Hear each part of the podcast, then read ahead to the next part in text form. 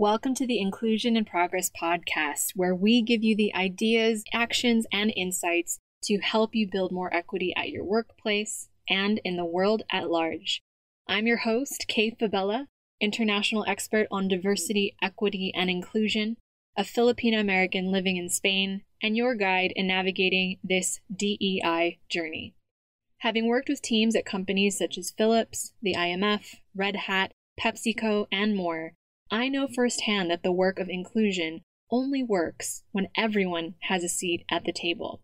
Regardless of your personal entry point into this conversation, your race, ethnicity, gender, ability, age, sexual orientation, country of origin, or educational background, we all have a role to play in creating inclusion for all. And it starts with us having conversations we need to create the change we wish to see. So let's dive into today's episode.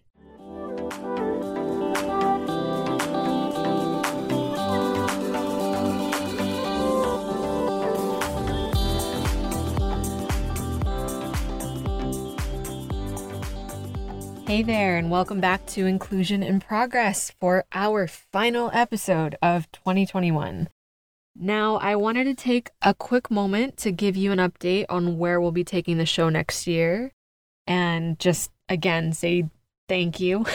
I'm a broken record, I know, but I'm so thrilled to have your continued support and to be able to wrap up another year with you, my friend. I mean, we've been through so much together since the show started. Am I right? On our end, we've got this growing team, a brand new white paper, a full roster of client partners that we're thrilled to continue to work alongside next year, and our amazing new digital home at inclusioninprogress.com, which you can check out at the link in the show notes if you haven't already. So, suffice it to say, we've been through quite a few changes since this first episode went live in November 2019. Hashtag understatement.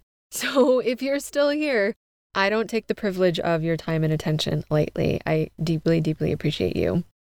Finally, to everyone who's taken time to share how much this podcast has meant to them, a huge thank you. Thank you for emailing us.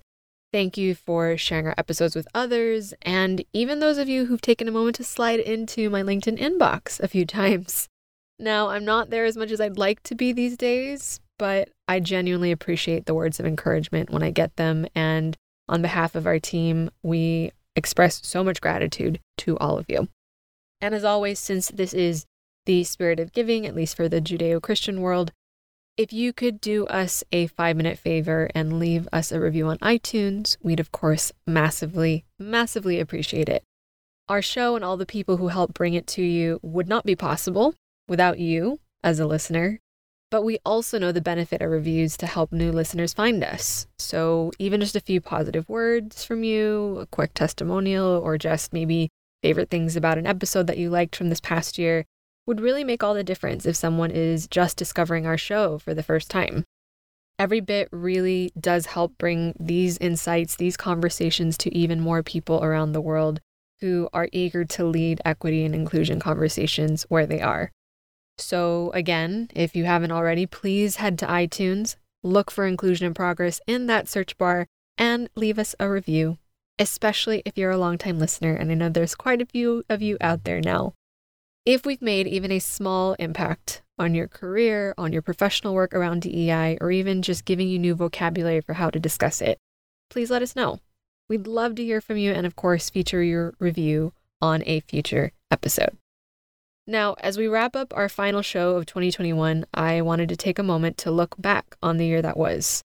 And to do this, I'm actually taking a page out of Steve Bartlett's book, specifically from his podcast, The Diary of a CEO. I know, meta, right? I also listen to podcasts.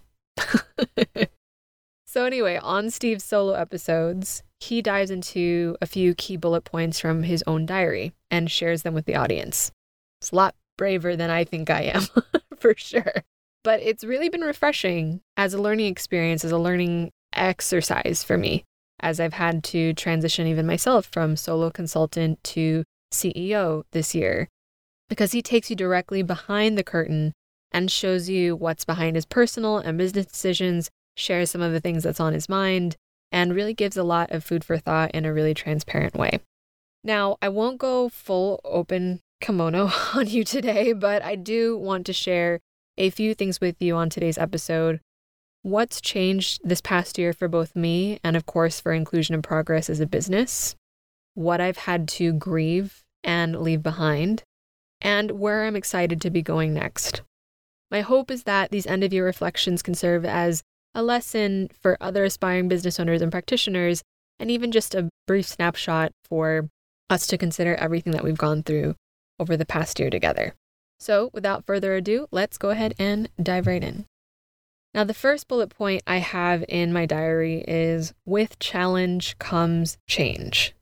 Now, I don't know about you, but this last year and a half, almost two years, gosh, that's so long now, that we've been living through has brought with it equal parts challenge and change, sometimes holding hands. There's also just been so much change that it just feels, it's felt a little bit hard to keep up. And I know that we've all had some level of grieving to do, have had to let go of some part of our pre pandemic lives.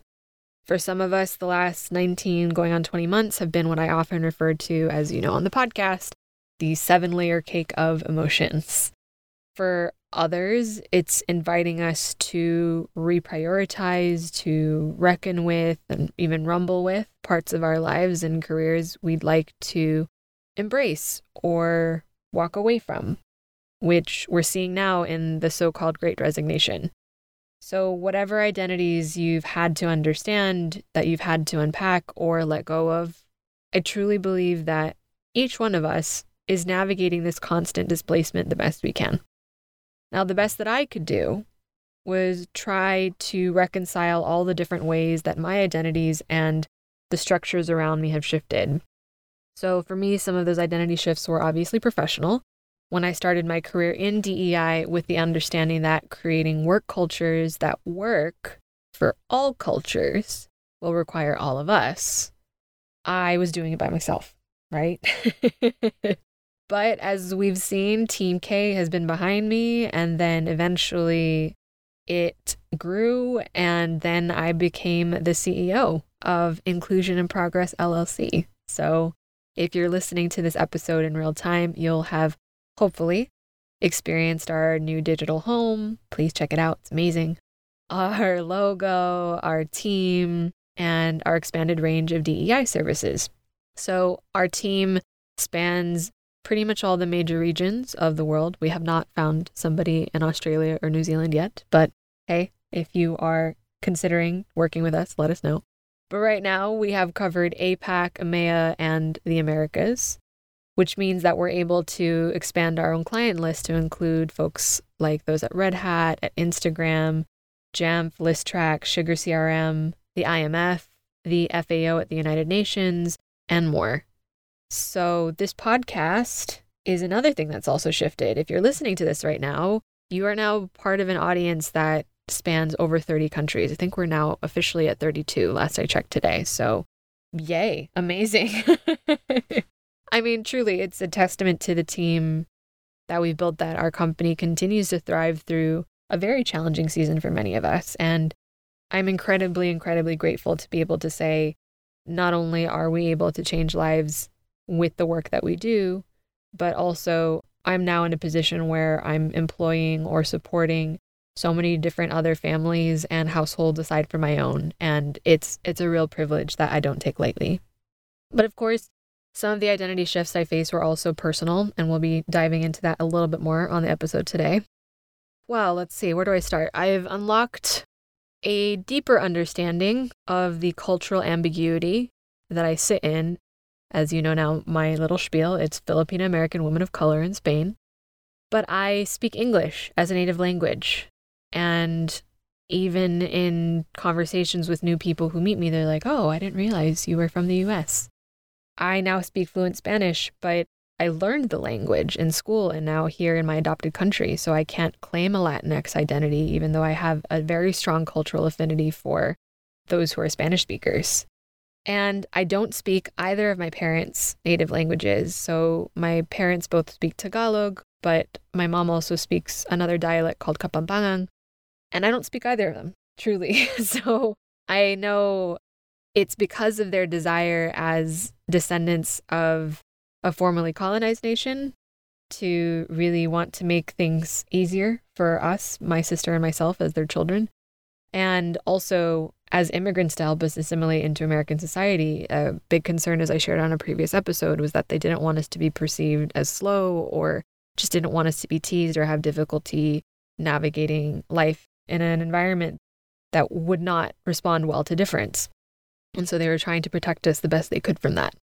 So, all that to say that when the Atlanta spa shootings happened, as an Asian American living abroad, I had to go through multiple layers, which I'll share more later. But basically, I had to unpack the ways that I feel less American, the longer that I've called Spain home, the ways that my adopted country still places me in an identity box before I open my mouth to speak, which I've shared on this podcast before.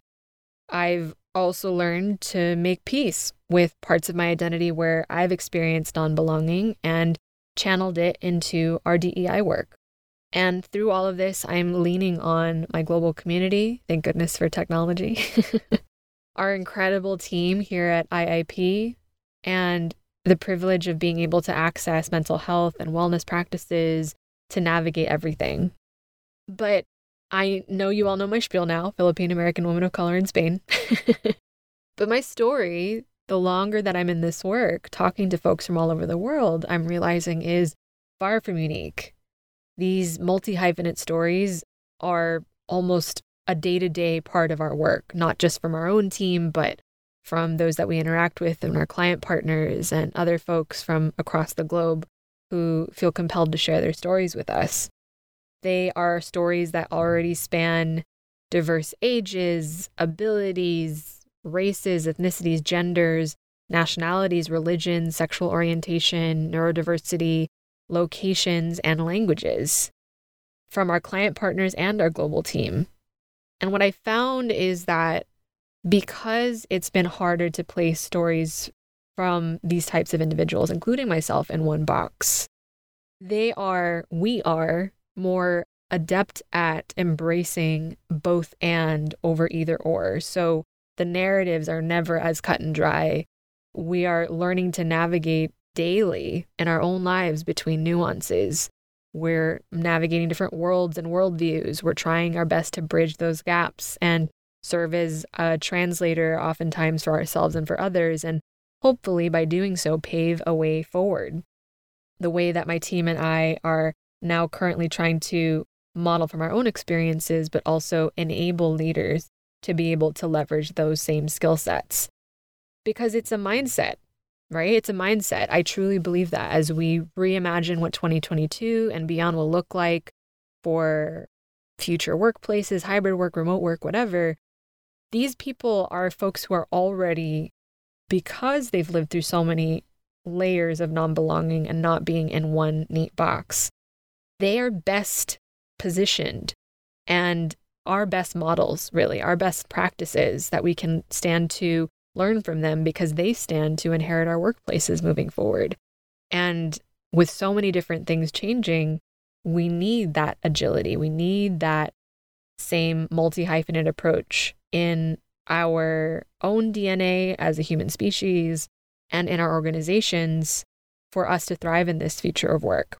Because if you're going to try to keep innovating, if you're going to try to keep attracting the best people, harness all those perspectives, and unlock the performance of those who are at the table, we need to be leaning on this type of approach of not seeing everything through a binary problem solution framework, but rather coming together to turn this complexity into a give and take dialogue of another thing that you often hear me say on the podcast of compassionate collision, one that will truly lead to lasting cultural change for organizations to truly work for all of us.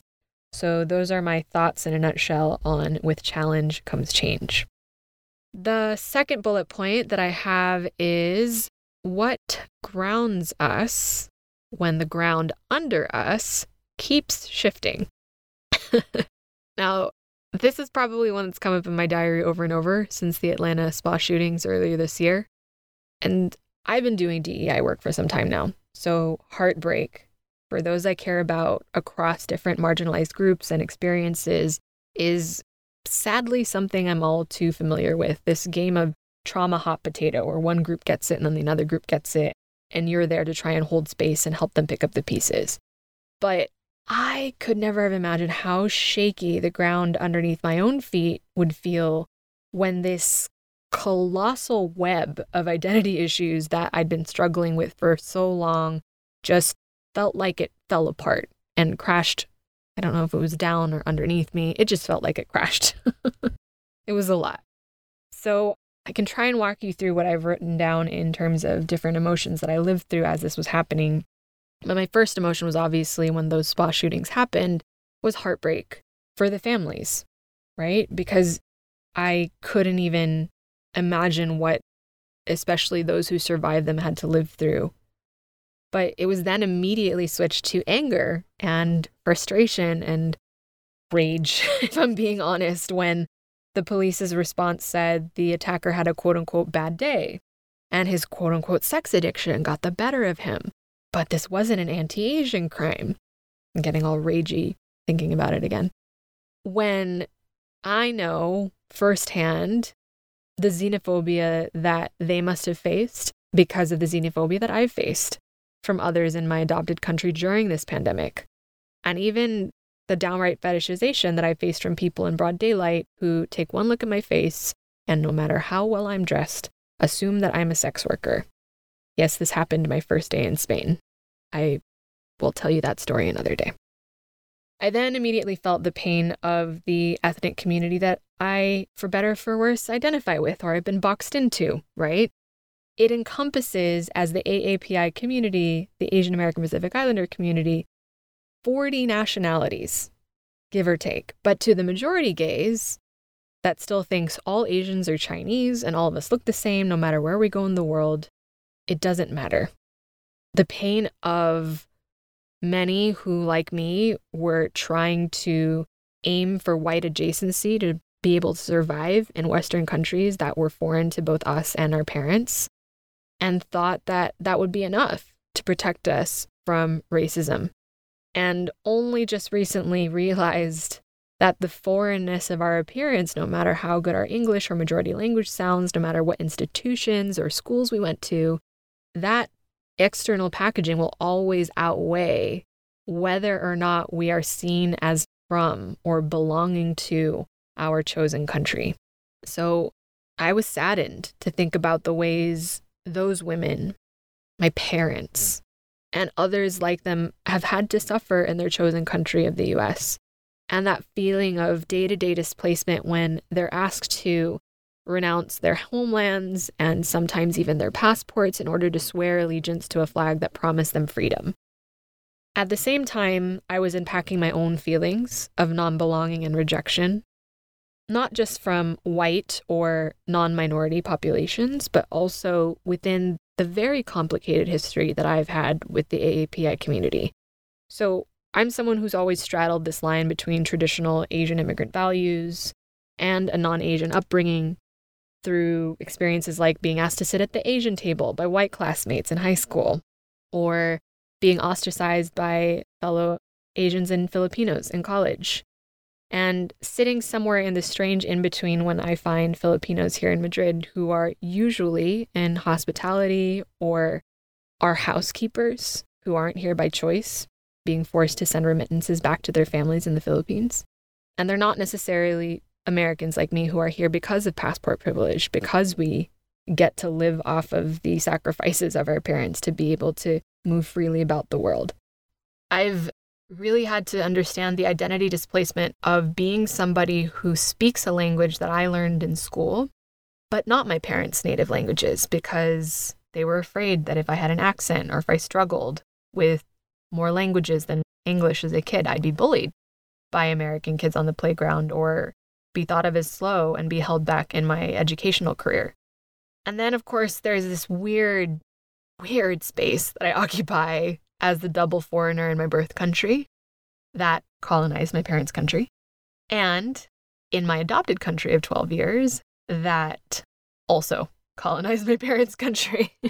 it's a strange place to be when the people that you could turn to for solidarity often struggle to understand what you're going through because there are so many intersections in your own experiences and how isolating being in that place can feel.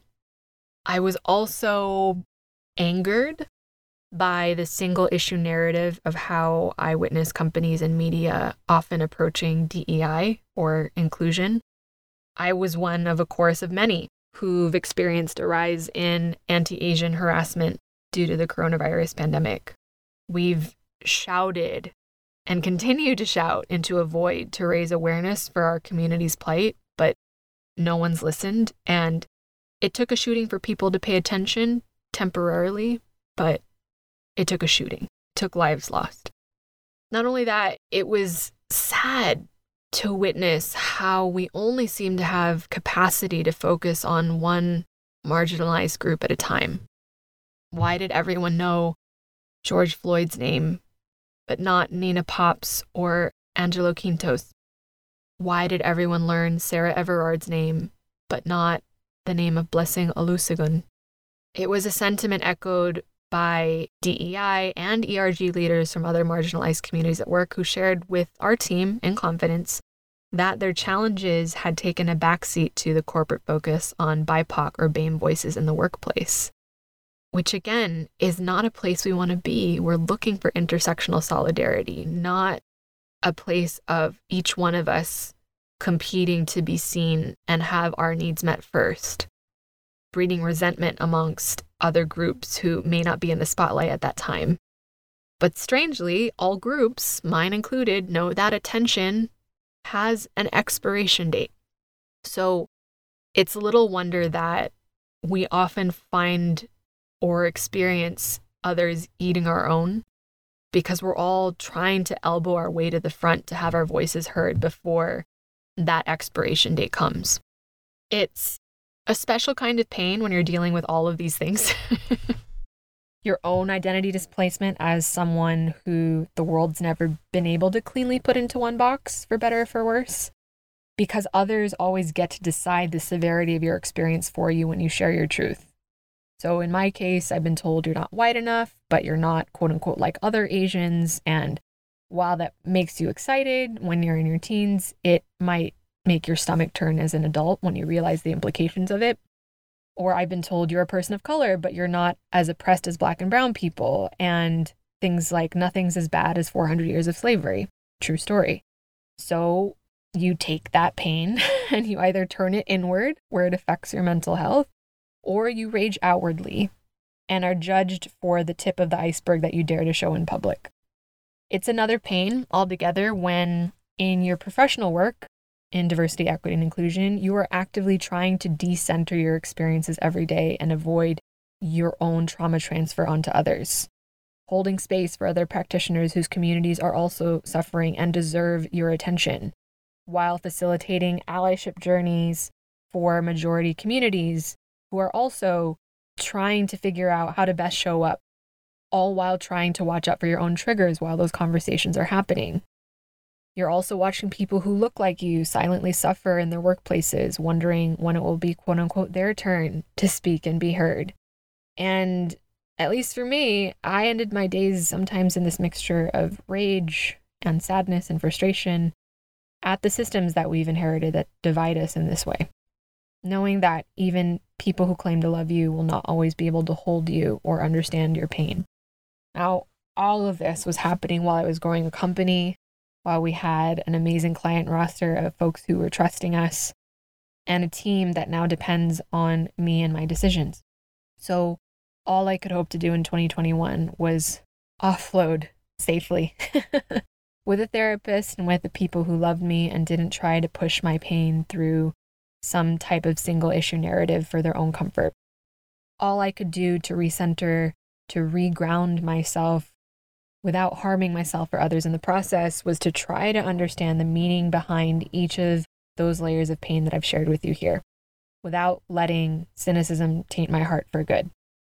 Fortunately, I learned the importance of regular pauses for self awareness when I experienced burnout for the first time in 2009.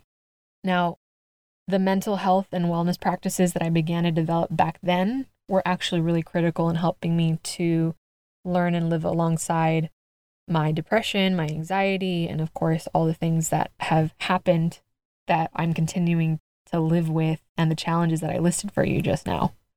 But I know that not everyone is lucky enough to have access to the resources or time or even abilities to create space for their own healing the way that I have. And trust me, it's a discipline, it's a lot of hard work. Which is why I encourage you, if you're listening to this, to please develop your own practice of pausing. You've been through a lot this year. We all have. Your brain, your body need time to catch up with all of the turmoil and change. And you can only allow that to happen if you pause long enough to recenter yourself. Even if you can find five minutes in your day to pour back into yourself, no screens, no distractions, no podcasts, except this one. Just kidding. But please do so. Use a journaling or a recording app on your phone if you prefer audio to help you offload your raw thoughts and reflections. And then breathe deeply. And then ask yourself what you need in this present moment. And then the next. And then the next. Through regular pausing, I've developed, we'll say, a hyper awareness of my emotions and a capacity to empathize with others in a much deeper way. And even though you may not have the vocabulary to put words to everything that you're feeling, finding a way to recenter and ground yourself in your needs in this moment will allow you to help yourself and others from a place of renewal and strength. We may not have control over much, in the months to come. But we do have control over our ability to pause and choose how we react to what's in front of us that's in alignment with who we are. And sometimes that's the best type of grounding that we can hope for. Now, this power of pausing and creating inclusive workplaces around it will be a big theme for us in future episodes, and I can't wait to share those with you next year. So if you haven't already, please be sure to subscribe to the podcast. And if you are inspired, to leave a review for us to help spread the word about conversations we'll be having here. Every bit really does help support those who'd most benefit from more inclusion and wellness focused workplaces. Now, the last bullet point that I have is fear or love. So, for those of you who don't know this about me already, music is one of my favorite outlets for healing. You'll often hear me say that I not so secretly wish my life was a musical. Very not secret at all. and one of the first musical albums I had the privilege of owning was Rent by Jonathan Larson. And I've now watched and rewatched Lin Manuel Miranda's Tick Tick Boom biopic about the story of Jonathan's life as a composer, which probably explains why this song was stuck in my head and I wrote this down. So the song goes a little something like Fear or love, baby, don't say the answer. Actions speak louder than words. Really good song, really good movie. Highly recommend you check it out. so, suffice it to say, I've been on the front lines of a lot of heartbreak since starting my career in DEI. I've witnessed a lot of fear, a lot of fear, both from groups that stand to gain from equity and inclusion, and now from leaders who are afraid of pushback or being called out when they're trying to learn and do better. And bearing witness to that can feel very emotionally draining. But despite all of this, I remain hopeful somehow I still keep faith in our human family's ability to evolve, to grow, and to learn alongside one another as we figure out a coexistence on this planet while we're here. I go to bed every evening and wake up every morning with this faith in mind. Faith that when the absence of love is fear, we have to lean harder into love faith that there's more that connects us than divides us, and faith that there are more of us out there that crave models and ways of being that inspire us to higher versions of who we can be, models and behaviors that speak louder than words. And it comes down to how we choose to move through the world. Will we be led by our fear or will we be led by love? Now, this year, I've been challenged to see the nuances in the narratives. I've sat down with underrepresented groups who've threatened psychological safety in their organization far more than the leaders they claimed were oppressing them. I've listened to CEOs of the male and pale variety who've admitted fault, leaned hard into their unlearning to address the harm they'd caused, and succeeded in winning back trust, even if it came in pieces. I've been tried and tested hardest by those who share my lived experiences fellow women, women of color, members of the Asian diaspora. And I've found the greatest understanding and empathy from professionals hailing from corners of the world that I've never visited. Yes, there is still a need for greater equity and justice in the world. And how we aim to achieve that must not be through fear. Yes, there is still a greater desire for transparency from our leaders and institutions. And how we hold them accountable must not be through fear. Yes, there is still a very, very real need for overlooked groups to be acknowledged at last. And how we hold space for those who are learning must not be through fear. If we want to move forward in inclusion at work, we have to find ways to safely meet one another where we are on our human journeys. Now, I've long ago reconciled myself to the fact that even as one person, one individual who tries her best every day to uphold and live by my values, my ethics, my belief systems, I will fall short somewhere along my journey. And even after I get back up, I would hate to always be measured against that moment, against a snapshot version of a previous, less informed, less enlightened version of myself because I know where I am on my own journey and what my own capacity for evolution is.